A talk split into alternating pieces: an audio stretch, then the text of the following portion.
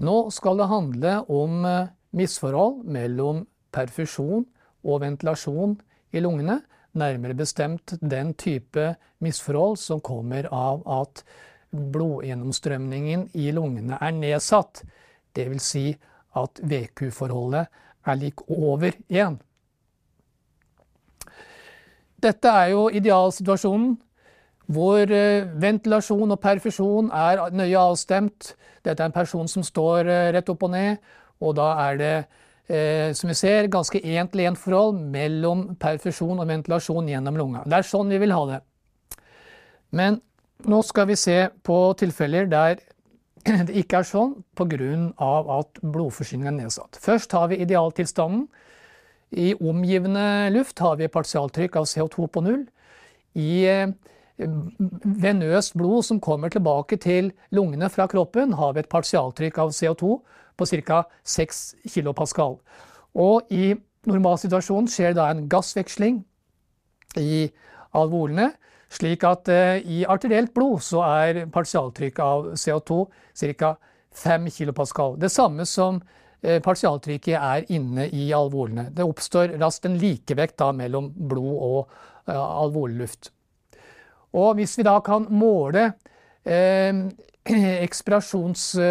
innholdet av CO2 i ekspirasjonslufta, såkalt endetidal CO2, så vil vi finne at den gjenspeiler det, det partialtrykket som er i alvolene. Riktignok så vil gjerne eh, målinger av endetidal CO2 ligge ørlite grann under partialtrykket av CO2. Men for praktiske formål så sier vi at dette er identisk. I klinisk medisinsk bruk så brukes dette bl.a. på operasjonsstuer for å sjekke at den alveolære ventilasjonen er tilstrekkelig.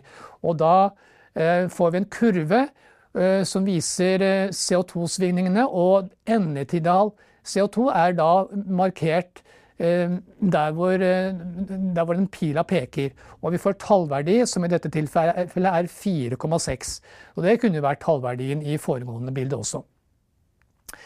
Dette er altså normalsituasjonen, men så skjer det noe med lungene.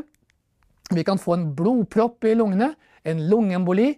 Da går det ikke lenger Eh, blod gjennom eh, blod etter eh, det, i det området hvor, hvor, hvor, blodproppen sitter. Og vi får da heller ikke noe gassveksling. Ingen piler der mellom denne alvolen og, og, og, og den sammenklappa blodåra. Her er da, når perfusjonen, blodforsyningen, blodgjennomstrømningen er null, så blir da eller nærmer seg null, så blir da dette forholdet uendelig stort. Og vi har da selvfølgelig ikke eh, noe innhold av eh, CO2 i denne alvolen. Den ventileres, men det skjer ikke noe utveksling eh, med, innhold i blod. Og i praksis så fungerer nå denne alvolen som en slags indre dørom. Og hva fører det til? Jo, det fører til faktisk at den alvolære ventilasjonen den synker nå. Og en følge av at den alvolære ventilasjonen synker, det er jo at partialtrykket av CO2 i blodet går opp. Og det vil jo også da påvirke partialtrykket av, eh, blod, eh, partialtrykket av CO2 i de fungerende delene av, av, eh, av eh, der hvor, hvor det fortsatt skjer en gassveksling. Slik at eh, vi kan tenke oss i denne Eh, denne alvolen hvor, hvor, det fremdeles skjer gassveksling, så vil da også innholdet av, eller partialtrykket av CO2 øke litt.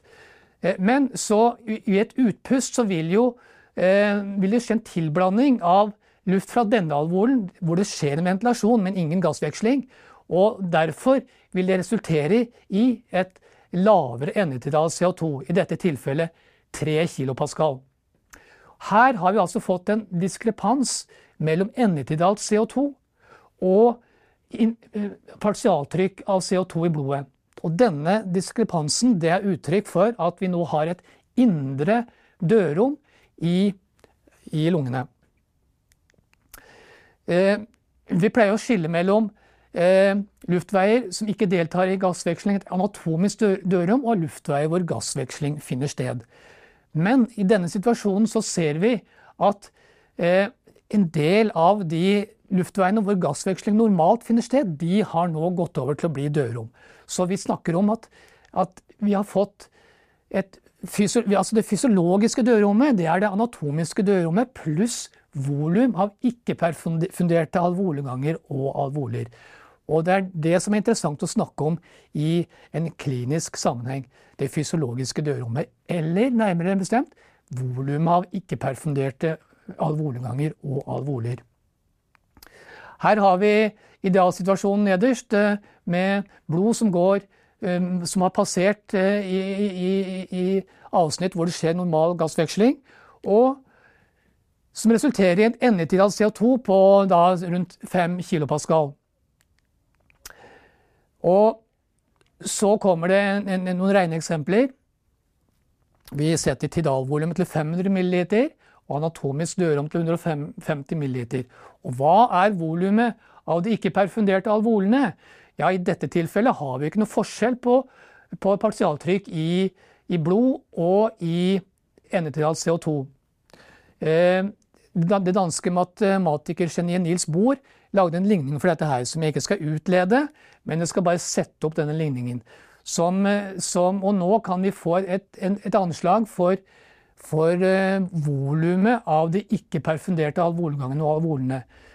Vi har altså et, eh, et, et, eh, en alvorær ventasjon i normalsituasjonen på 350 ml, og så en, så ser vi på differansen mellom partialtrykk av CO2 i blod og partialtrykk av eh, eller endetidalt CO2, som i dette tilfellet er identisk, delt på partialtrykket av CO2 i blodet. Og i og med at telleren her går opp i, i null, så blir jo det I normalsituasjonen så er fysiologisk dørom lik det anatomiske dørom. Men hvis vi nå eh, har den situasjonen at vi har fått eh, at en del av alvorlene ikke perfunderes, så vil vi få en diskrepans mellom endetidalt CO2 og partialtrykk av CO2 i, i, blod. Og da må vi bytte i telleren her oppe. Da får, da får, vi, da får vi, altså en teller som, eh, hvor det vil være en, en, en, en forskjell Eh, nevneren blir også litt endret, og vi får et annet regnestykke. Her får vi altså eh, en eh, Da sier regnestykket at i dette tilfellet, med denne diskrepansen mellom, mellom partialtrykk endetidalt og i blod, så, et, så vil volum av ikke-perfunderte alvoler tilsvare 175 milliliter. Og da vil det tilsi at vi bør øke den alvolære ventilasjonen for så vidt.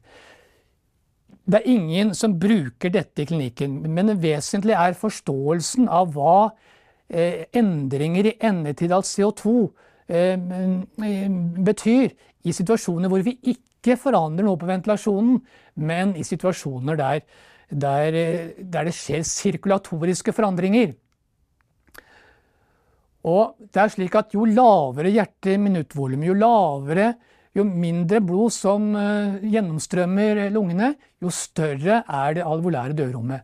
Og det ser vi ved ulike tilstander som hjertesvikt, blødningssjokk, store lungeembolier og hjertestans.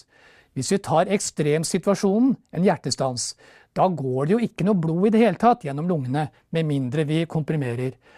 Ergo, hvis vi bare ventilerer, så vil vi ha endetidalt CO2 på null, mens den reelle verdien, i hvert fall så lenge det er liv i cellene i, i, i, i blodet, den, den, vil da øke. Og vi kan tenke oss at den, den er nå kanskje 80 kilopascal, eksempelvis. Eh, så begynner vi å komprimere, og et mål på at vi eh, klarer å komprimere slik at vi får i gang en del av sirkulasjonen, det er jo faktisk at endetidalt CO2 øker. Så, så, hvis vi nå oppnår en, i hvert fall deler av lungene, at vi, vi får en perfusjon, så vil da endetidal CO2 øke, og da tar vi det til inntekt for at nå driver vi gode kompresjoner. Og på denne måten kan vi si at vi bruker endetidal CO2 til å eh, monitorere grad av hjerte-minuttvolum. Og, og, og disse måleapparatene fins i, i, i, små størrelser til bruk eh, både ute i felt og, og på legekontorer osv. Slik at eh, For å oppsummere eh, Når VQ-forholdet er over 1, så er det en forskjell mellom endetid av CO2 og partialtrykk av CO2. Og denne forskjellen beror på økt fysiologisk dødrom når alvoler ikke perfunderes. Og tilstander med stort fysiologisk dødrom er først og fremst et sirkulatorisk problem som også kan medføre redusert gassveksling.